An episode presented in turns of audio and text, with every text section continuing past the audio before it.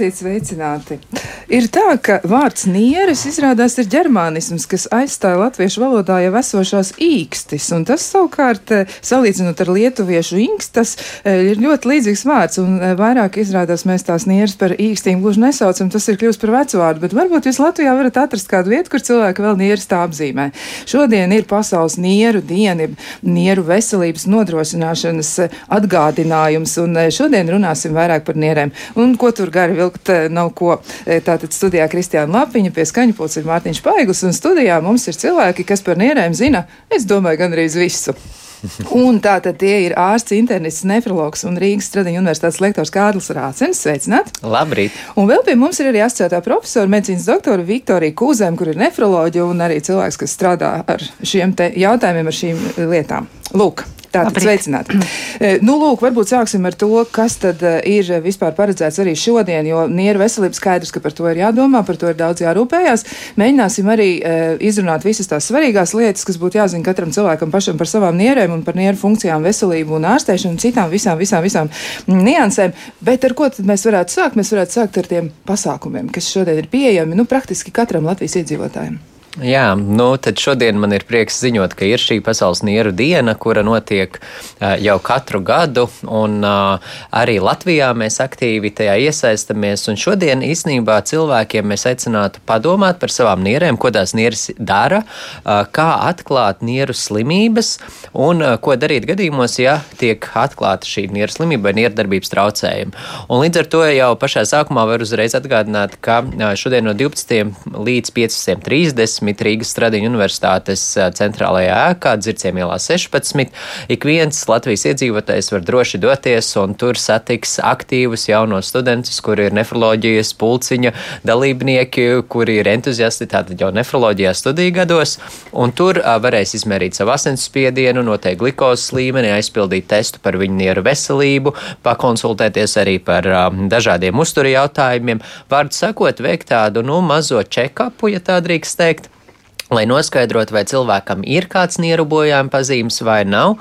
Un tātad tur ik viens ir aicināts no 12 līdz 15.30. Un tāpat, protams, mums ir daudz pasākumu arī paredzēti ārstiem. Šodien būs ārstu tiešais eh, bezmaksas konference, kur mēs uh, un kolēģi uzstāsies uh, un stāstīs par nieru veselību. Un arī pulkstens piecos Facebookā mūsu lapā nefrologs.lv un arī TVNetā tas tiks pārraidīts un citās straumēšanas vietās uh, būs diskusija par nieru veselību, kur uzstāsies mūsu asociācijas prezidente Ieva Ziediņa kopā ar ģimenes ārstu un pacientu mēģinās skaidrot mītus un neskaidros jautājumus un, var sakot, padarīt nu, to neskaidro vārdu, kā jūs teicāt, nieres, bet īstenībā latviski pareizi īkstis, skaidrāku un, un, un tādu saprotamāku, lai cilvēki nebaidītos no nieru slimībām, bet būtu tādi, nu, uz priekšu ejoši, tā teikt, un, un teiktu, jā, man šogad ir jāpārbauda nieres, kas ir ar manu kreatīnu līmeni ierādītāji, kas ir ar urīna analīzi, un vai man kaut kas tagad ir jādara.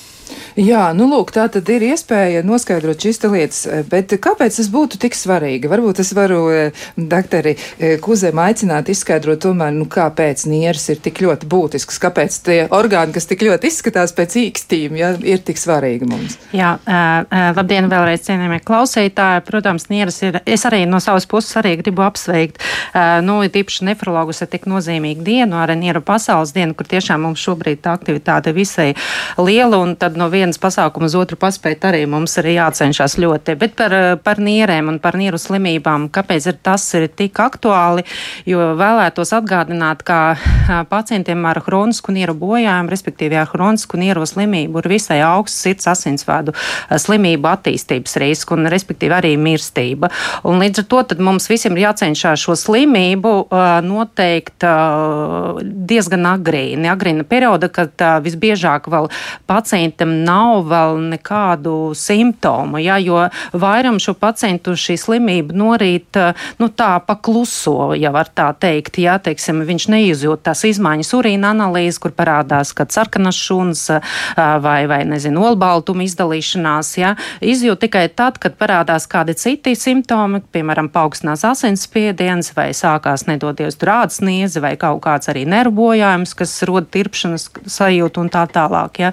Un tas īstenībā slimība jau norāda uz to, ka šī hroniska nieru slimība jau ir progresējusi uz zinām mērā, jau atrodas kāda varbūt jau trešā, ceturtā un varbūt pat jau arī piektajā stadijā. Un līdz ar to mums ir ļoti svarīgi šobrīd aktualizēt tēmu par agrīnu nieru slimības diagnostiku. Respektīvi, jebkuram šobrīd jāapzinās jau pat arī zināmu savu hronisku slimību, arī vēl nezināmu varbūt, bet uh, ir varbūt tās īpašas pacientu populācijas, kas pacienti ar cukura diabētu, pacienti ar paaugstinātu asinsspiedienu, jā, ar pacientiem, piemēram, kādām metaboliskām izmaiņām, tiem kaut kādu ierakņu slimību, piemēram, tā tālāk. Es domāju, šobrīd ir šis tas laiks, kad varbūt jāapmeklē ārsts un jāiziet nodot analīzes, kas ir primāri būtu asins un urīna analīze. Jā, nu skaidrs, bet ja mēs tagad domājam par tiem datiem, ko tur var ieraudzīt, jūs arī minējāt to, ka dažreiz ir situācijas, ka to simptomu nav, un cilvēks varētu dzīvot diezgan ilgu laiku un neko nezināt par savu nieru veselību. Tad kas varētu būt tāds labais algoritms? Nu, vismaz reizi gadā noteikti vajadzētu to urīna analīzi nodot?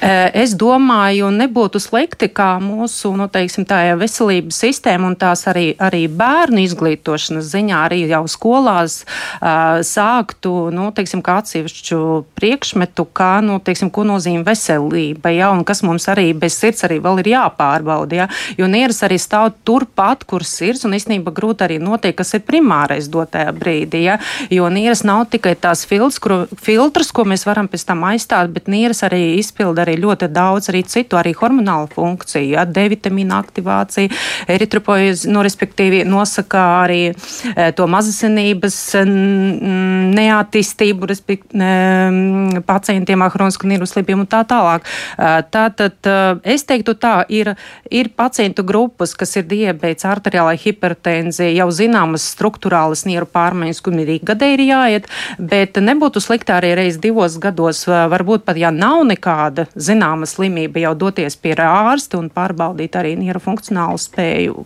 noteikt urīna analīzi. Un, ja ir vajadzība arī sonogrāfija vēderdomu orgāniem. Nu, sonogrāfija vēderdomam, rekā. Jā. Labi, nu tā tad tas ir skaidrs. Tad var noteikti konsultēties ar ģimenes ārstu un, un, un nu, tad tur tas tiks izskaidrots sīkāk. Jā, nu, tas ir tas, kas vēl ko var pieminēt klāt, ka tas viens no rādītājiem, kur reizums aizmirst, ir um, kreatinīna līmenis. Tas ir nieru rādītājs rādītājs, pēc kura mēs aprēķinām jau, jau kāda ir konkrētās cilvēka nieru funkcija. Un tas ir rādītājs, kur vajadzētu pievērst uzmanību un tajā ikgadējā vai ik divos gados veikt šo pārbaudi un paskatīties, kāds ir šis kreatinīns, un tad zem tā parasti laboratorija iedod, kāds ir aprēķinātais filtrācijas ātrums, ja būtībā nieru funkcija jau realitātē. Un otra lieta vēl ir tāda, ka, protams, kad um, ir arī citi testi, kuri varētu sensitīvāk un agrīnāk pat noteikt nieru rādīt, nieru izmaiņas vai nieru kaut kādu bojājumu, kurš ir diezgan tādā agrīnā stadijā bez šī kreatinīna līmeņa un bez izmaiņām parastā urīna analīzē, un tas tests saucās mikroalbuminūrija. Un tas ir ļoti būtisks rādītājs tieši tiem cilvēkiem, kuriem ir ļoti augsts risks, ka viņiem būs nieru bojājums. Nu, kā jau profesori minēja, tas ir cukura diabetes. Aptuveni trešdaļai pacientu ar cukura diabetu attīstīsies nieru slimība.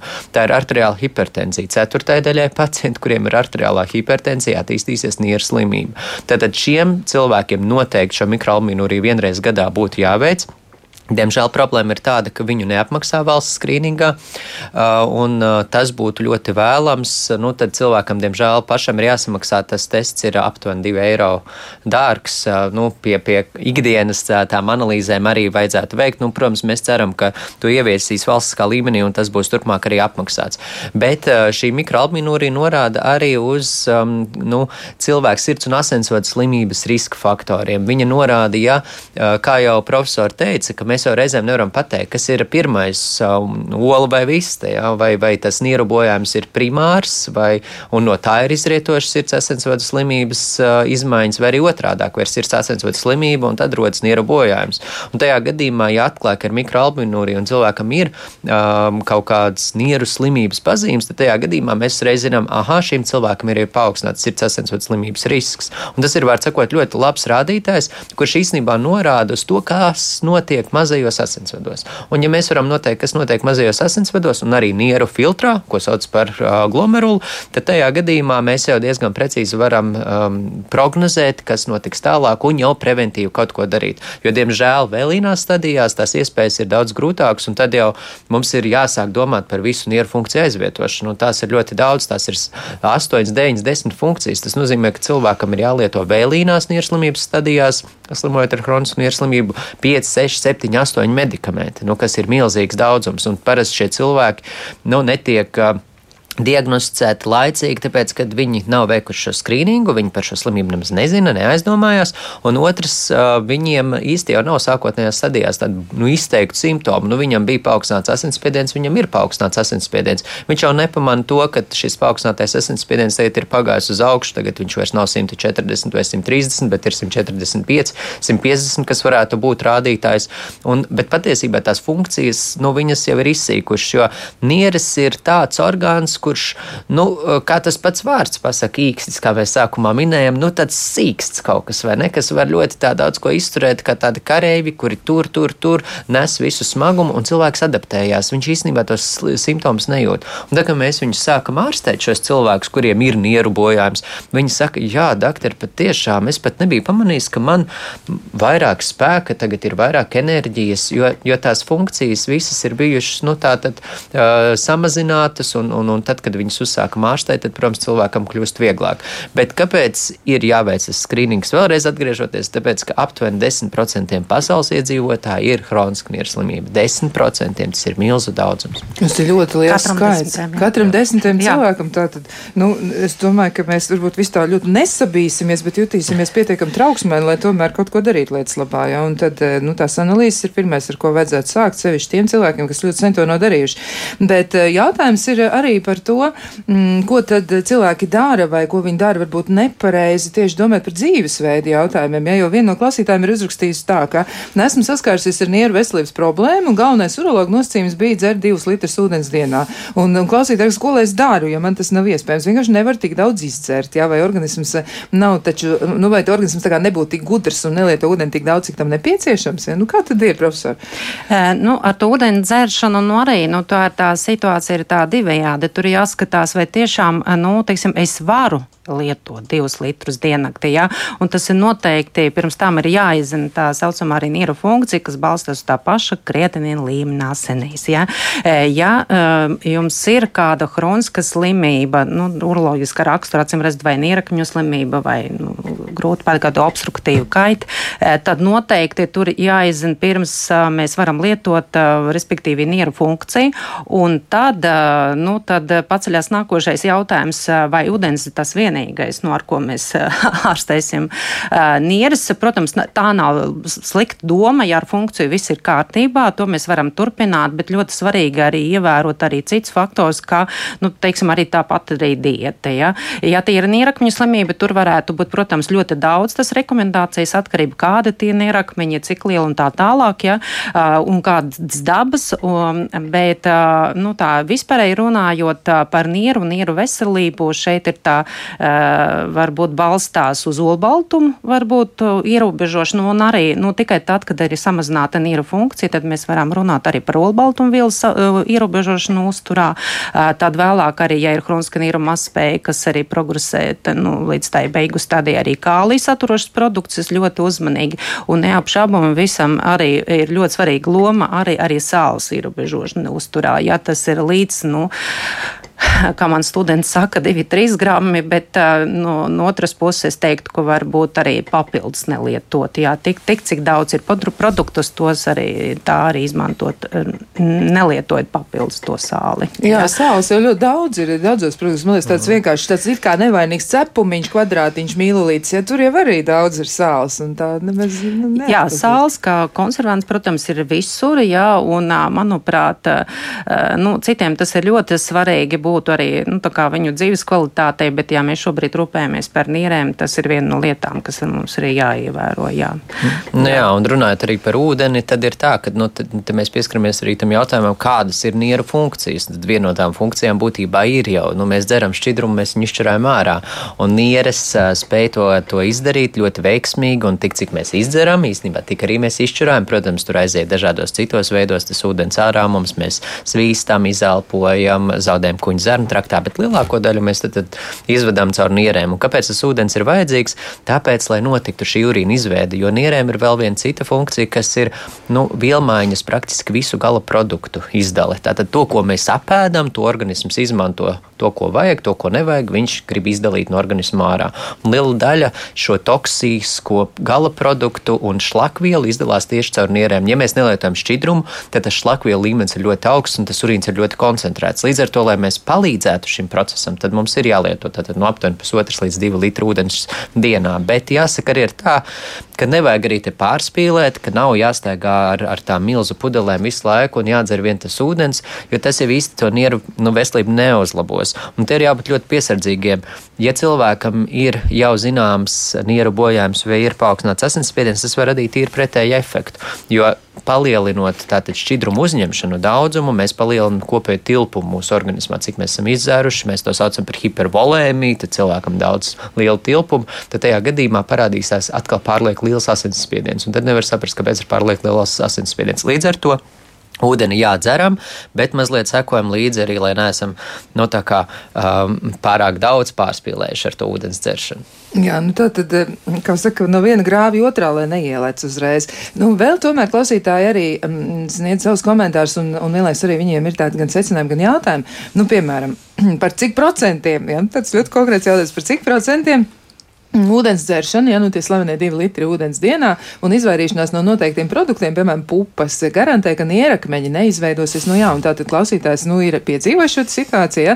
un arī viņa otrs jautājums ir, mm, nu, cik svarīgas ir fiziskās aktivitātes. Par sāli mēs eh, jau izrunājām, ja, ka sāls tiešām, nu, nav, nav, nu, nefroloģija ir teikusi, ka tas nesot eh, attiecināms uz nierakmeņu problēmu, bet izklausās tomēr, ka ir. Nu, tad varbūt mēs varam sākt ar to, var par tiem produktiem. Varbūt profesori varētu šo nokomentēt. Jā? Nu, kā, kā tur ir ar tiem pupas? Jā, vai, tad, nu, tad, no, jā es jā. nezinu, vai pupiņas te būtu pie vainas. Visam jā. tam nierakņu slimības veidošanā noteikti te ir arī ģenētiska predispozīcija ar nierakņu veidošanā. Arī e, ir vesela jūra arī citu metabolisku uh, slimību, kas tiešām uh, var veicināt šo nierakņu veidošanos, un tas būtu mums vispār atsevišķi tāda lekcija par šo, ja, bet manuprāt, uh, kas ir vienkārši cilvēkam ir jādara, lai tie, nu, tiešām tie tie nierakņi neveidojas, uzturam jābūt ļoti, nu, teiksim, jābūt uzturu dažādībai. Nu, ja nav jāiet tikai tās pupiņas vai kaut kādu ļoti konkrētu produktu grupu, ko mēs ievērām, bet tiešām ir jābūt dažādībai un divi, uh, ir jābūt arī šķiedrvielām, arī diezgan, jā, un, protams, jālieto ūdens, jā, bet atkal mēs atgriežamies pie tā daudzuma, tur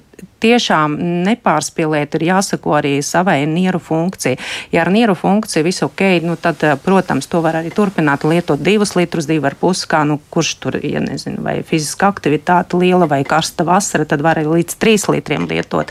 Bet ja cilvēks, kurš tuvojas ja tai nieru slimībai, beigu stadijai un nedod Dievs, viņš jau ir dialīzes programma, un šeit viņš nevar tāpat lietot divus litrus. Viņam ļoti daudz citu faktoru, kā viņš tur skatās, lai tiešām neatnāktu pie ārsta ar elpas trūkumu, ar ļoti augstu asinsspiedienu un, un citreiz ar tādu akūtu sirds mazspējas klīniku. Ja? Um, nu, tādas būtu man rekomendācijas šeit, pie, nu, teiksim, lai kā novērstu iespējamu nierakņu slimības attīstību. Bet es saku, tur ir ļoti dažādi citi faktori, un viena no tām liela loma ir ģenētiska predispozīcija. Jā, bet varbūt jūs varat arī drusku sīkāk to komentēt, jā, jo ģenētiskā predispozīcija, ko tas īsti nozīmē? Tas varētu nozīmēt to, ka mēs vairākas paudzēs konstatējam, ka ir cilvēkiem nierakmeņi, piemēram. Kas to sekmē, kas to izvēl? E, nu, protams, nu, mēs kā nefrologi jau arī pirmreizēji arī vizīte ar pacientu, arī izrunājam ar visas detaļas, arī ne, nekā arī savu, sasaistās ar tieši ar konkrētu cilvēku, bet arī ar viņu arī tā kā piederīgiem māmu, tēti, ja, vai bijušas kāds hroniskas slimības, vai gadījumā nav bijis arī cukura diabēts, arī šīs te metaboliskas pārmaiņas, kas var ienest visu to uh, kalciju, fosforu, urīnskābes vilmaņas traucējumu, kas arī savukārt var ietekmēt šo uh, nīrakmeņu veidošanos. Uh, un, um, nu, jā, un, Nu, tā tad, jā, vilmeņa specifika, kas tiek savā ziņā jā, pārmantots tas mehānisms. Jā, tas ir pārmantots tas mehānisms, bet tīri procentuāli pateikt, ka noteikti būs nākamajai paudzei diezgan grūti. Ja tas, nav tas arī tāds, nu, teiksim, tāds, nu, es nezinu, Kārli varbūt ne, nu, iepalīdzēs, jā, nu, es nu, neesmu redzējis. Retos jā. gadījumos, protams, jā, tas ir retas ģenētiskas slimības, kuras būs noteikti pārmantotas, vairāk tās ir, nu, tā kā, kā, kā minēja, tad ģenētiska predispozīcija, kas ir izveidojusies vairāk dzīves laikā, bet nierakmeņu veidošanās tas ir multifaktoriāli. Tas nozīmē, ka tas ir mūsu dzīvesveids, tas, ko mēs ēdam, kādas ir citas slimības īstenībā, kas mums ir, vai ir, piemēram, kaut kādas funkcionālas problēmas. Ja urīns neattek normāli cilvēkam, tad tajā gadījumā tas arī var veicināt nierakmeņu veidošanos. Ja cilvēks nelieto šķidrumu vispār, nu, teiksim, ikdienā ļoti maz lieto šķidrumu, tas arī var veicināt nierakmeņu veidošanos. Kāpēc? Tāpēc, ka urīns ļoti koncentrēts. Un, ja tie sāļi ir jāizvada, tad viņi var akumulēties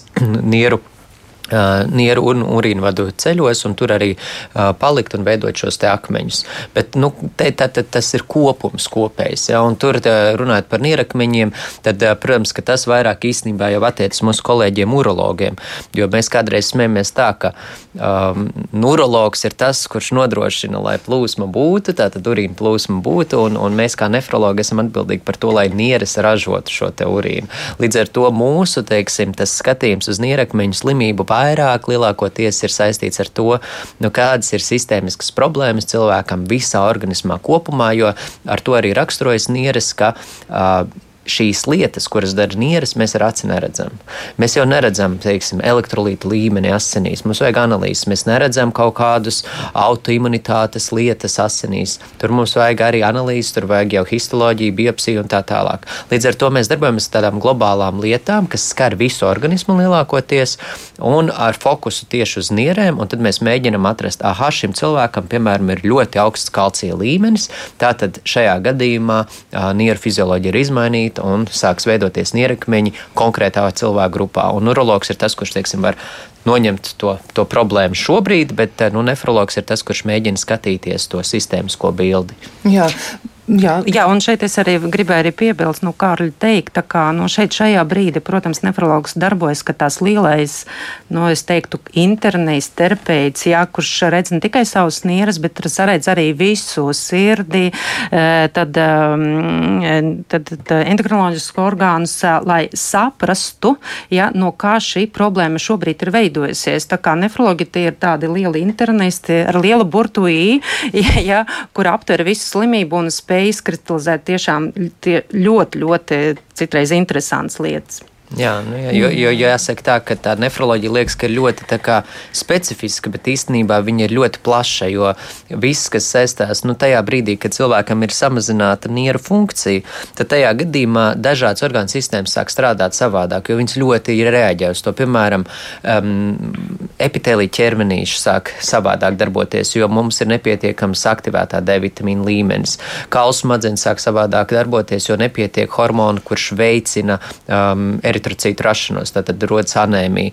Uh, un šīs visas funkcijas, kas notiek uh, tajā brīdī, sāk rēģēt savādāk. Līdz ar to uh, nieru, samazināt nieru funkciju gadījumā organisma atbildes reakcija ir ļoti atšķirīga. Un tāpēc īstenībā nefrologi ir tie, kuri mēģina skatīties ļoti plaši, un es domāju, mēs skatāmies ļoti plaši, un līdz ar to mēs esam tādi tā kā, nu, globāli cilvēku ārsti, neskatoties tikai izolēti uz nierēm.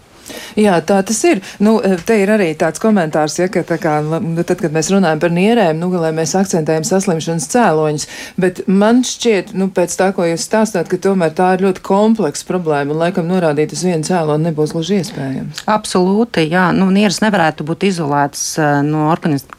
Tur noteikti ir jāskaita ja, tad kontekstā arī citu orgānu iesaistīja.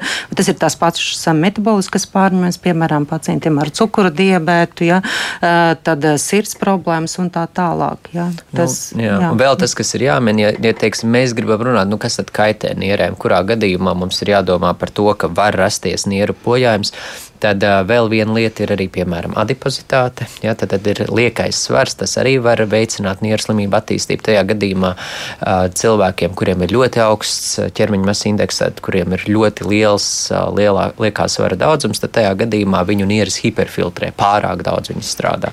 Līdzīgi tas notiek arī cukura diabēta pacientiem. Un šī palielinātā slodze lēnām sabeidz nieru funkciju, un līdz ar to attīstās arī nieru bojājums. Tāpat viens būtisks, ļoti būtisks riska faktors ir pārlieku liela nestrīdo pretiekaisuma līdzekļu lietošana. Kas tie tādi ir? Tie ir visi tie medikamenti, kurus mēs varam nopirkt aptiekā ar recepti vai bez receptes. Ibuprofens, diklofenaks, meloksikāms, ārkoksijas, nimesili, var sakot, visi, kas mums tā ikdienā patiesībā garšo pret sāpēm, un mēs reizēm nerisinām to pamatcēloni, kāpēc ir sāpes un ko darīt, bet mēs tik iedzeram to, to tabletīti, tabletīti, tabletīti. Vai tas uzreiz sabojās nieres? Nu, protams, ka nē. Bet, ja cilvēks ilgstoši tā, tā turpina lietot, tad tas radīs diezgan izteiktu bojājumu, kurš attīstīs tādu slimību, ko mēs saucam par hronisku intersticiālu nefrītu. Un to mēs redzam, piemēram, nu, cilvēkam visbiežākos poliklinikās novērojis ir. Um, cilvēki gados, tur 75, 80 gadi, un viņiem ir gūžas sāpes, piemēram, un viņi nu, negrib baidās iet uz operāciju, un viņi domā, ka viņi turpinās dzīvot ar precēpu terapiju, un viņi nu, ir pieraduši dzert šīs zāles, bet tas sabeidzā nieres, un tajā brīdī, ja kaut kas būs jādara, tomēr viņi nolems veikt šo operāciju, tad pēc tam šī operācija būs daudz apgrūtinātāka, jo nieru bojājums ir attīstījies, un, protams, kad attīstoties nieru bojājumu, kā jau es minēju, radīsies vēl citas problēmas. Tāpēc mēģinam risināt sāpju cēloni, runājot par pretsāpju zālēm, mēģinam mainīt no dažādām grupām. Lietojam, piemēram, vienreiz ibuprofēnu, pēc tam paracetamolu, pēc tam pamainam zanalgīnu, var sakot, mījamies. Nedaram tā, ka dzeram visu laiku vienu un to pašu. Jā. Un šajā brīdī es arī piebilstu, teiksim, ja mēs runājam, ja tiešām ir indikācijas, nezinu, tur pārsinājums tiem remutīnam, politrītam sāp briesmīgi un ir vajadzīgi šie, īstenībā tie ir tādi burvīgi medikamenti, kur arī noņem arī ne tikai sāpes, bet arī tūsku un iekaisumu kā tādu, bet vienkārši ievērojam principu, ka varbūt šajās dienās pat ūdeni runājot, ir jālieto bišķiņ vairāk tas ūdens, ja? lai būtu nedaudz tas, kā lai saka, hiperhidrācijas sindroms, lieku tā šķidruma daudzums, ja? Nekā nelietojam nemaz. Tas ir viens, un, protams, skatāmies uz to devu un to lietošanas ilgumu, tas ir viennozīmīgi. Bet tas tie nebūtu tikai precāpu medikamenti. Es īstenībā ieteiku pie, pirms jebkura medikamentu lietošanas, ja, ja ir vēl pie tam zinām tā hroniska nīro slimība, noteikt uh, to funkciju, izzināt, nu, cik tad ir, un attiecīgi arī uh, dozēt arī nepieciešami medikamenti vai pusi vai to pašu devu. Nu, tas, protams, ir ārsta kompetence, ja, bet vismaz iedomāties par to. Jā, nu, tā tad arī tas jāņem vērā. Noteikti jebkuru medikamentu lietojot. Nu, ko jautājums sāk būt kā no pārpilnības raga? Nu, tiešām arī izmantojiet šo iespēju. Mums ir profesionāli studijā. Lūdzu, lūdzu, uzdodiet savus jautājumus. Jums tā iespēja ir. Un noteikti arī mēs vēl pēc tam raidījuma otrā pusē atgādināsim par to, ko tad vēl šodien var izdarīt. Jā, jo līdz 2012. vēl ir gana laika, var mm, apaut kājas jā, un, un izbrīvēt laiku tam, lai parūpētos par savām īkstītēm. Bet mēs šo sarunu turpināsim, bet darīsim to pēc īsa brīža. Kā labāk dzīvot? Turpinām sarunu par nieru veselību un par to, ko mēs paši varam darīt, lai savas nieres saglabātu nu, tādas darboties spējīgas visas dzīves garumā, un tā dzīve arī būtu tāda nu, cienījama, cienījama eh, garuma. Mēs varam izmērīt un pēc tam nu, sagaidīt torti, kur ir piemēram 112 virsū. Tāds cipars man patīk, tas būtu jauki. Nu, lūk, bet, um, Atgriežoties pie nieru um, problēmām, klausītājiem arī tādi ļoti konkrēti jautājumi par to, kas tieši tur uh, varētu notikt, ja ir jau kaut kas konstatēts. Un, uh, nu, tā tad jautājums, kas uh, ir nākamais, uz ko mēs varētu mēģināt um, atrast atbildi, ir, cik bīstams ir cistas nierēs. Un viena no klausītājiem jautā, ko tas nozīmē vispār cista nierē? Nu, par cistām runājot, protams, arī cistas mēdz būt arī dažādas, ja, un, protams, daļa no viņiem tā ir iedzimtība, ja, un, protams, tur, kur tā ieslēdzas tā poga iedzimtība, protams, arī tie, kur to pārnesa, jau apmēram zina, kā tu tētis vai mamma ir gājis, vai tante, vai arī kādam citam radiniekam, ja, bet to, to cistu, respektīvi, uzreiz nevarētu, nu, uzsvērt kā ļoti ļaunumu kādu, ja, protams, tad tik līdz ir atrasts šīs lietas, tad vajadzētu izmeklēt. Ja? Noteikti tā būtu analīze, kas ietvertu asins, urīna analīzi, neapšaubami sonogrāfiju, tie ir, tie ir arī sonogrāfiski mums ir jānovērtē, kā izskatās šī cista, vai viņa izskatās pēc tās ļaunas, vai tā cista izskatās kā labdabīga, un tad um, mēs vienkārši novērojam šo situāciju. Un, protams, arī pastāv šīs iedzimtas slimības, kur cistas veidojas diezgan daudz, ja, un nu, arī ne tikai nīrēs, un arī kāds cits iekšējs orgāns, piemēram, aizkuņa dziedzerī vai aknās. Nu, tad, protams, šeit arī mēs ieslēdzam ģenētisku kā, izmeklēšanu. Uh, Nu jā, tas, ko vēl var piebilst, ir, ka noteikti jā. jāskatās arī ir vecums. Ja jauniem cilvēkiem šīs cistas veidojās, tad tam ir jāpievērš ļoti liela uzmanība, īpaši vairākas, un, un, un es šeit ar jaunumu domāju līdz 45 gadiem aptuveni, tad tajā gadījumā noteikti ir jāvēršas pie ārsta, tāpēc, ka tā varētu būt šī autosomāla dominantā nieru policistos tajā gadījumā, kas lielākoties skars ļoti nozīmīgi nieres, bet ja tās ir vienkāršas, atsevišķas cistas, kur ir pierādīts ar ultrasonogrāfijas metodi, jo tā, tās, tās var tikai radioloģiski būtībā pierādīt cilvēks, jo parasti nejūt šīs cistas, ja nav šī policistoza iedzimtā. Tad tajā gadījumā Tur jāizvērtē noteikti, vai tas ir ļaundabīgs vai labdabīgs process. Tad, kad tas ir noteikts, patiesībā tur ir tāds regulārs skrīnings, ko jau ieteiks jau, jau um, nefrologs, urologs un ģimenes ārsts, ko vajadzētu veikt. Bet, kā jau minēju, tad tiem pacientiem, kuriem ir policistoze, kas īstenībā ir viens no tādiem būtiskiem hroniskas nierslimības faktoriem, tie būs nu, savi 10%, kur ir hroniskā nierslimībā līdz 10%. Uh, tad tiem noteikti ir jāiet pie nefrologa, tāpēc, ka tur ir ir agrīni medikamenti, kurus var lietot. Tur ir uzreiz skrīnings, lai izvairītos no tā, ka var attīstīties insults, piemēram, ja, jo tur ir uzreiz komplikācijas jāskatās. Tur tā, tā pieeja ir diezgan nopietna. Jā, un runāt par to iedzimtību, arī gribētos piebilst. Protams, nu, vecāki arī nodot kādu informāciju arī savu bērnam, un arī tām bērnam, kaut arī varbūt tā iedzimta policistos, varbūt tā klīniska manifestācija notiek tikai kaut 30 līdz 40 gadu vecumā.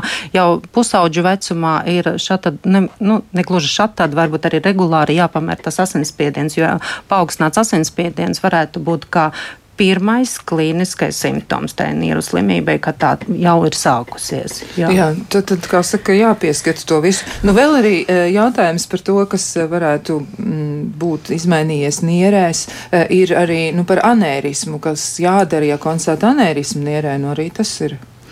Par anērismam nierēm noteikti tur ir kāda klīniskās izpausmes. Noteikti šim cilvēkam nu, šis asinsvadu. Uh, Nu, vai nu tā, es pieņēmu, vai nu tā ir kāda nejauša atrada meklējot kaut ko citu, ja, vai tomēr te ir bijušas arī kliniskas manifestācijas, piemēram, kā makrohematūrija, ko mēs saucam par sarkanu urīnu, piemēram.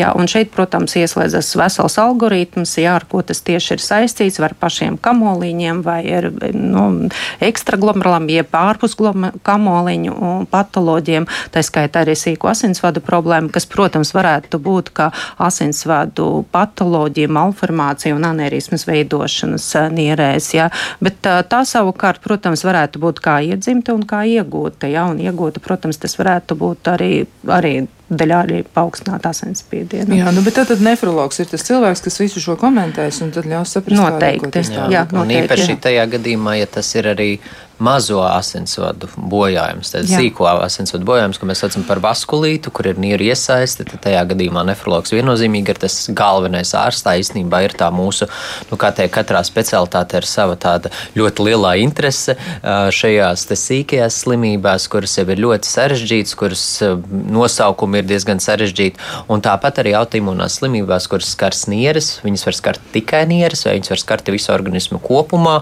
un tas ir, nu, tāds kārtīgs nefrologs psihologa darbs viņus precīzi atklāt, nodiagnosticēt, jo katrai no tām ir sava prognoze, savas terapijas pieeja. Tur tajā gadījumā pavisam savādāk mēs runājam par to terapiju. Mēs sākam uzreiz domāt par medikamentiem, kuri e, samazina imūno sistēmas darbību, tātad tie ir imūnsupresīvie medikamenti, un e, tos tad regulāri jau uzraugam mēs nefrologi. Tie ir dzīvībai bīstami simptomi, kas rod šiem cilvēkiem, un tie var nogalināt tikpat lielā mērā onkoloģiskās slimības, un reizēm pat var noritēt daudz agresīvāk.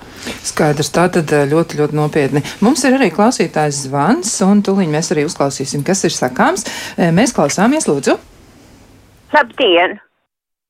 Jā, lūdzu, mēs jūs dzirdam. Es ka traucēju. Mani jautājums, vai diplovīt kaitē nieriem vai nē?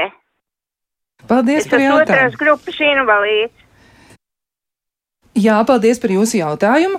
Nu, tad mēģināsim atbildēt. Nu, tad... Vai diklovits? Jā, Nu, nu, Diklovits, ā, tas Diklofenaks, jā. Nu, diklofenaks. Nu, tas, Tas ir tas, jā. ir, ko mēs minējām. Jā, Tad, mēs tas jau- ir tieši šis medikaments. Šajā gadījumā, ja diklofenaku noteikti nevajadzētu lietot ilgstoši un regulāri, to var lietot gadījumos, kad ir kāds slimības pārsinājums. Viņš ir ļoti labs medikaments, bet ilgstošanai un ar ilgstošu lietošanu mēs jau domājam tādu lietošanu, kas būtu ilgāk kā vairākas nedēļas, reizēm pat mēneši. Un, un īpaši tiem pacientiem, kur tas medikamenta tablešu daudzums ir liels, vai arī devas, jo arī tur tas deva var būt 25, 75 vai 150 mg. Un cilvēkam liekas, es jau dzeru tikai vienu tabletīti, bet viņš dzer to lielo devu, viņam ir tā lielākā deva. Līdz ar to, ja viņš tā regulāri turpinās, tas bojās nierslimību. Tad ir jārisina sāpju cēlonis vai jādomā par citas grupas medikamentiem. Skaidrs, jā.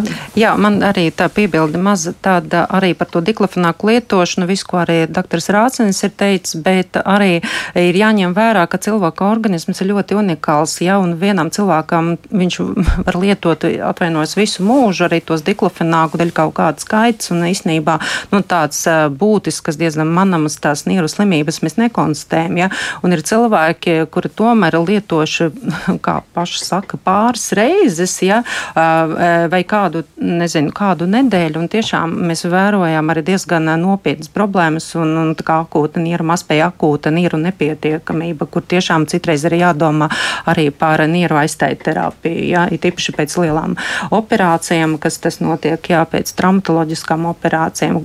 Cilvēki gados, īstenībā tā populācija ir tā, ka maz dzeru, cilvēki gados, jā, un vēl kādas tiešām, nu, tik operācijas, vēl kādi citi kaitīgi faktori, kas var ietekmēt šo nieru funkciju. Skaidrs. Mums ir vēl kāds klausītājs zvans. Mēs jūs Jā, labrīt, viņš paldies par intervijām. Par to nieru mazspēju lūdzu. Tagad es sapratu nieru funkciju traucējumu, un tad mums iet viens no pirmiem nieru mazspēju funkciju traucējumiem ir oligūrija, Nu, respektīvi samazinās uh, urīna izdalīšanās. Anūrija. Kā jūs tos mm, komentētu? Jūs sakat, vajag dzert to šķidrumu. Nu, es saprotu, tur ūdens jādzer. Es beidzis arī Gens universitātē, kas ir Beļģijā studējis, bet iesaka jādzert, teiksim, ūdeni divu litru dienā, bet ja anūrija il, ieilgst, asinīs uzkrājas dažādas minerālu vielas, ir īpaši kālijas klāpeklis un saturošās vielmaņas produkti. A, kā Labi, tad mēs bet- to tiek? Jā, mīļš, paldies, jā, Jā, labi. paldies jums, jā. Jā, nu tā tad, kā mēs, kā mēs tad tiksim galā ar šo Nu, te redz, eh, tad, tad, tas, ko klausītājs jautā, tās divas mazliet savādākas slimības, tad mēs runājam lielākoties šodien par hronisku nieru slimību, kas ir ilgstošs bojājums, kas tiek definēts kā 30, eh, 3 mēnešu laikā samazināt nieru funkciju vai citas struktūrāls izmaiņas citādi pierādīts. Tas, par ko šīs eh, klausītājs ticamāk domā un ko ir lasījis, tā ir akūta nieru mazspēja. Tas ir kaut kas, kas ir noticis tūlīt tagad ļoti agrīni. Tajā gadījumā pirmais, kas cilvēkam notiek šajā akūtas nieru mazspējas gadījumā, samazinās urīna apjoms. Un oligos nozīmē samazināts, un an tā tad nav necik oligūrija, samazināts urīna apjoms līdz tur 500 ml diennaktī, anūrija zem 200 ml diennaktī. Tie jau būs simptomi, ka ir attīstījies akūts nieru mazspējas bojājums. Un tas, ko arī iepriekš, piemēram, profesori minēja, ka dažādi medikamenti dažādi miedarbojas arī ar nieru veselību, ir viena slimība, kur sauc akūts intercēls nefrīts, kuras gadījumā tas var būt kā alerģisks reakcijas, tāds bojājums pašās nierēs, un tad kā konsekvence ir akūta nieru mazspēja. Tam cilvēkam, kurš izdzer, kuram ir predispozīcija kaut kādā ziņā uz, piemēram, to pašu diklofenaku, tas būs daudz, ma tie būs mazi, maz daudzums cilvēku, viņam attīstīsies, piemēram, akūts intercēls nefrīts tajā gadījumā. Viņam nieru funkcija pēc divām, trīs tabletēm ļoti strauji samazināsies un attīstīsies šī anūrija un tā tālāk. Pēc tam notiks šo šla- šlakvielu uzkrāšanās organismā, pēc tam būs uh, citi simptomi, kad šie cilvēki tomēr nokļūs slimnīcā, un tas ir diezgan bīstams stāvoklis.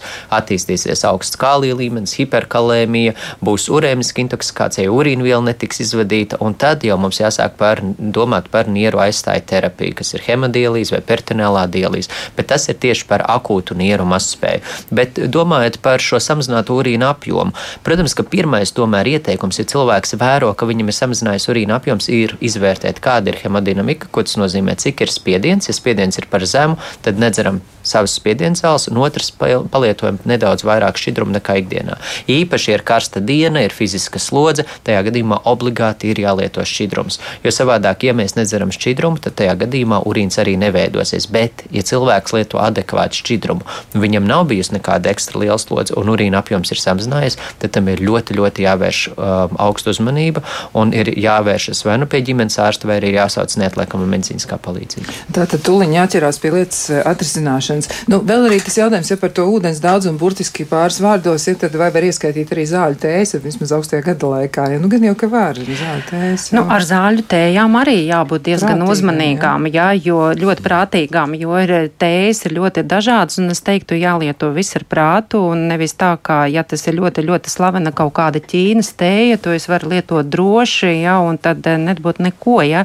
Es tikko, mums arī pretendents arī slimnīcā ir bijis, ka tās ķīna tēja mums veicināja vienkārši meiteni to akūtu intersticiālu nefrītu to saucamo, jā, un tad, respektīvi, tā funkcija, nieru funkcija bija pasliktinājusies. Tā kā zaļu tējas, es teiktu, jālieto ar mēru, un, uh, un tad ir jāskatās dinamiski. Un, un vispār, ja, ja ārsts jums ir nozīmējis arī, uh, teiksim, kādu fitoterapiju, kāds, nu, ir arī visāds uh, tējas, tur urīnzēnošas vai dezinficējošās, protams, to var lietot, bet uztveram to kā, nu, varbūt kā medikamentu, nu, lietojam regulāri, bet lietojam ar kaut kādu, nu, teiksim, kā epizodiski, jā, ievērojot šo te medikamentu un nemedikamentus posmus.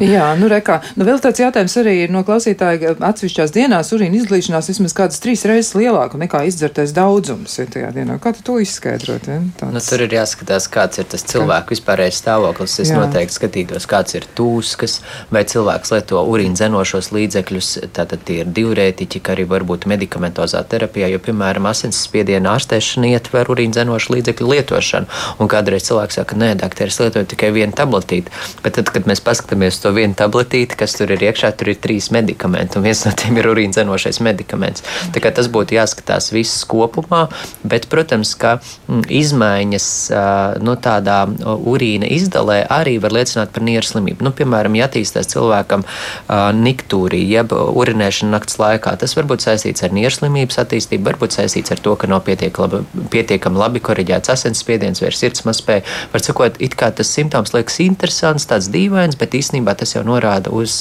nu, tādu būtiskāku patoloģiju. Nu, rekā. nu, vēl ir arī jautājums, ko var teikt par nieru sarukumu, jeb displāziju. Ja? Nu, tā tad arī notikušas nieru, nieru izmaiņas struktūras līmenī. Par nieru sarūkumu šeit arī var teikt, ka tas varētu būt divējādi vai no iedzimta rakstura, ja no pašas dzimšanas pat arī nezinot, ka tā, tas ir noticis. Ja, cilvēks arī kaut kur pirmreiz izzina to, ka viņam tur paaugstinās asinsspiediens un būdami jauns, viņš dodas pie ārsta izmeklēties, nu, kas tur īsti notiek. Ja. Bet arī var arī nodzīvot vispār bez simptomu, nezināt, ka tā viena ir ļoti maziņa sarukos un tā filtrācija gandrīz tā kā nav.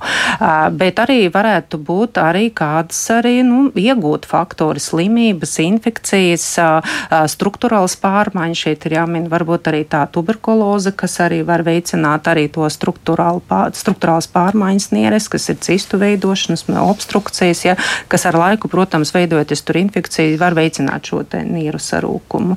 Ja, nu, tas, ja mēs runājam par vien, vienas nieru sarūkumu, par bilaterālu jeb abu nieru sarūkumu, nu, te jau grūti teikt, tas zinām mērā var būt arī jau cilvēkiem gados, jā, tiem aterosklerozes risks un tā tālāk, jā, bet, nu, Tas ir cits jautājums. Jā, jā bet viennozīmīgi nieru sarukums norādīs arī uz to, ka cilvēkam ir hroniska nieru slimība.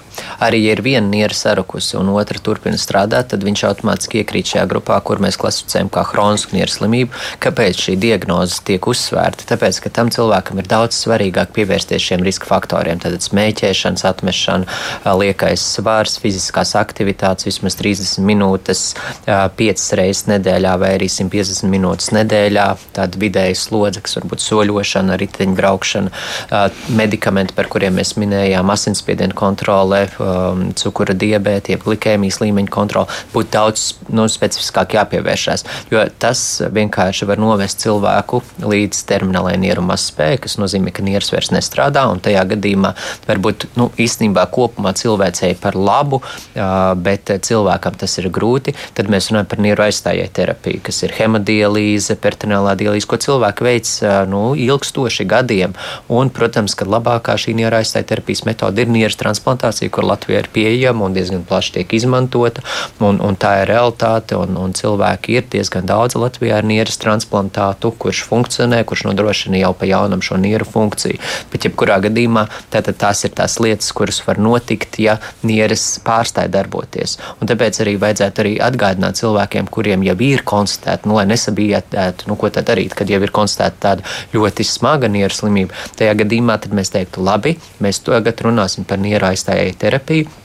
Gatavosimies šai lietai un pievērsīsim tam uzmanību. Patiesībā šī gada Nieru veselības dienas tāds uh, uzsaukums ir tieši aizdomāties par to, ka nieru veselība uh, ar nieru aizstāju terapiju un ar medikamentozu terapiju ir ļoti apgrūtināta katastrofu zonās. Tā, piemēram, šobrīd bija Turcija, kur bija lielās zemestrīces, kur cilvēkiem, tātad, kuriem ir nieru aizstāju terapija, kur ir jābeidz obligāti, piemēram, trīs reizes nedēļā, ja viņš viņu izlaiž šīs šlakvielas uzkrājas un cilvēks aiziet bojā, tad, protams, tur to nevar veikt. Tāpat ir arī Ukrainā kara apstākļos. Mums ir diezgan daudz pacienti bijuši tieši no Ukrainas, kuriem, piemēram, tiek uzspridzināts pilsētā tilts, un viņi netiek vairāk uz šo dialīzes centru, viņi nevar to veikt. Līdz ar to viņi aiziet bojā nieru mazspējas dēļ. Jā. Jā, un es gribu piebilst, ka nevajadzētu baidīties no tā vārda arī hroniska, ka man ir hroniska nieru slimība. Mums visiem ir kaut kas hronisks, un līdz ar to un palīdzība mums ir pieejama tiešām gan arī novērošana, gan arī pieejamība pie ārstiem, konkrēti nefrologiem. Jā, nefroloģijas centri šobrīd ir tiešām arī izcels stradiņu slimnīca, pie kā mēs tiešām var griezties, un mēs noteikti palīdzēsim. Ir medikamenti. Pat jau, kā lai saka, tas ceļš jau ir aizgājis uz to beigu stadiju, bet viņš nav strupceļš ceļš. Ja, tur mēs redzam arī, arī nieru aiztēterapijas iespējas. Jā, to pašu, ko pieminēja Kārlis, arī dialīze vai hemodialīze, kā tiltiņš arī transplantācijas, kas arī notiek mūsu valstī. Jā. Tā kā nebaidamies un aizējam, nosakam savu nieru funkciju, jā, un ja konstatējam, tad vērojam to. Jā, nu noteikti. Nu, burtiski pāris jautājumu mums ir palikuši vēl, uz kuriem mēs varam atbildēt. Nu, viens jautājums ir tāds, cik ātri būtu jāveic precizējuši papildu izmeklējums, ja pirms mēneša veicot neplānotu ultrasonoskopisku izmeklējumu vēdra doma ārsts ieteica veikt pēc tam šo te pašu izmantot ultrasonoskopiju, tā ierast teikt ultrasonogrāfiju tieši nierēm, jo iespējams atklāja tā saucamo AML 0,6 cm diametrā, nu 6 mm veidojums tur ir. nu, tur ir jāprecizē noteikti, jā, kāds tas, tas veidojums ir. Tur mm -hmm. ir mhm. jātaisa papildus izmeklējumi un jāskatās jau precīzāk, jo grūti būs šo, šo gadījumu konkrēti to nu, kā... dokumentēt. Bet, jā. nu, tad tomēr konsultācija vēl viena būs noteikti nepieciešama, tad jau varēs tālāk. Un tas, sākt. ko runājot, prasīja, nu, cik ātri vajag to izmeklēšanu. Nu, e, mēs esam diezgan daudz nefrologu Latvijā, un nefrologu pieejamība, nefrologs ļoti pieprasīts, bet Stradiņu slimnīcā mums diezgan šobrīd ir labi pieejams ambulatori nefrologs, var diezgan ātri pieteikties uz šo konsultāciju, un tur strādā patiešām kvalitīvi kolēģi, izglītoti pēc jaunākajām vadlīnijām un ar plašākajām zināšanām, diezgan daudz jaunu ārstu, nu, kuri tā ļoti precīzi iedziļinās un, ja nepieciešamības gadījumā, tad nosūtīs uz stacionāru, kur varēs veikt jau arī tādu histoloģisku izmeklēšanu, ka veicam nieras biopsiju. Jā, nu tur varēs viss izpētīt. Nu, vēl, jā, kā lai noskaidro, kas ir patiesais iemesls anēmijai, ģimenes ārsts par zemo dzelzs līmeni vienmēr saka, ēd vairāk gaļu un problēma ar gadiem. Nu, tad jau laikam analīzes tomēr, jā? Nu, tas būs. Nu, jā, bet par anēmiju runājot šeit, protams, nu nedrīkst visu attiecināt uz dietu. Protams, jā. mēs vācot anamnezi izpratam, no kurienes tomēr nāk, vai tas ir dzelzs deficīts, kas elementārs ģenēs, ka cilvēks vienkārši nēd šo un to. Bet, protams, tik līdz es redzu, ka ir samazināts hemoglobīns, tad, protams, ieslēdz nu, ļoti plašs algoritms, dēļ kā tas viss ir noticis. Ir, pirmkārt, ir asinsaini, ir jāprecizē, kādas dabas ir šī anēmija. Un tikai pēc tā eritrocīta, tad, tad sarkanas šūnas lieluma un hemoglobīna satura tajā, tad tālāk, tad, iz, tad vēl dalās šīs te algoritmas. Un es domāju, vai tas ir ar dzelzs deficītu saistīts, vai tas ir ar B12 deficītu saistīts, vai tas ir tiešām saistīts ar kādu citu kaidu, piemēram, kā hronisku nieru slimību. Tas algoritms ir ļoti liels, bet runājot konkrēti par dzelzs deficītu, deficītu anēmiju. Šeit, protams, dzelzs deficīta anēmija visbiežāk cēloņi ir asiņošana, jebkurā veidā asiņošana, tikpat arī mikroasiņošana no koņu zarnu trakta, ginekoloģiska rakstura deguna asiņošana tā tālāk. Tālāk tā ir infekcija vai kāds autoimūns slimības vai onkoloģijas slimības. Respektīvi, tiklīdz mēs konstatējam dzelzs deficīta anēmiju, mēs apstiprinām viņu kā simptomu, bet vēl šī pagaidām nav kā pilna diagnoze. Mums ir jāiznes šīs cēlonis, mums ir jā, e, jāveic šīs papildus izmeklējums. Skaidrs. Nu, tomēr tātad eh, par tām nierēm būs jādomā, jādomā būs ļoti rūpīgi. Nu, tad ļoti īsi vēl atgādināsim, ja, ka 4. 9. martā no 12. līdz 15.30. Stradiņu universitātes fojē dzirciem ielā 16. Jūs varat doties uz pasākumu Pasaules nieru diena 2023. Rīgas Stradiņu universitātes medicīnas fakultātes nefroloģijas pulciņu studenti jūs tur sagaidīs, ja, un eh, viņi arī būs eh, nu, tādi sakomplektēti ja, ar Pāles Stradiņu klīniskās universitātes slimnīcas pārstāvjiem. Tā kā droši ejiet uz turieni un vēl tad arī atgādināsim pašiem ārstiem, ja no 14.30 līdz 16.40 notiks tiešsaistes konference ārstiem Nieru veselība 2023. Nefrologa asociācija ir parūpējusies sadarbībā ar Paulas Stradīna Klīniskās universitātes slimnīcu. Nu, tā kā dalība konferencē ir bez maksas, ja, un tad, eh, dakteri, skatieties, kā tā jūsu diena veidojās, noteikti nepalaidiet garām, tas ir ārkārtīgi svarīgi mums visiem. Nu, ko, milzīgs paldies, milzīgs paldies gan ārstam, internistam, nefrologam, Stradiņa universitātes eh, lektoram Kārlim Rācinim un arī profesorai medicīnas doktorai un nefroloģijai Viktorijai eh, Kuzemai par ļoti, ļoti vērtīgām lietām, ko mēs šodien uzzinājām. Un uh, klausītājiem novēlēsim tikai to lūdzu, celieties kājās, dodieties, uh, noskaidrot savus jautājumus, kas jums ir aktuāli, un noteikti arī to urīnu un asins analīzi, nu, izdaram, izdaram, nav jau tik grūti. Jā, lai jums ir skaista diena, un tad jau mēs atkal tiksimies, un iespējams, ka visai drīz. Atā. Paldies! Paldies!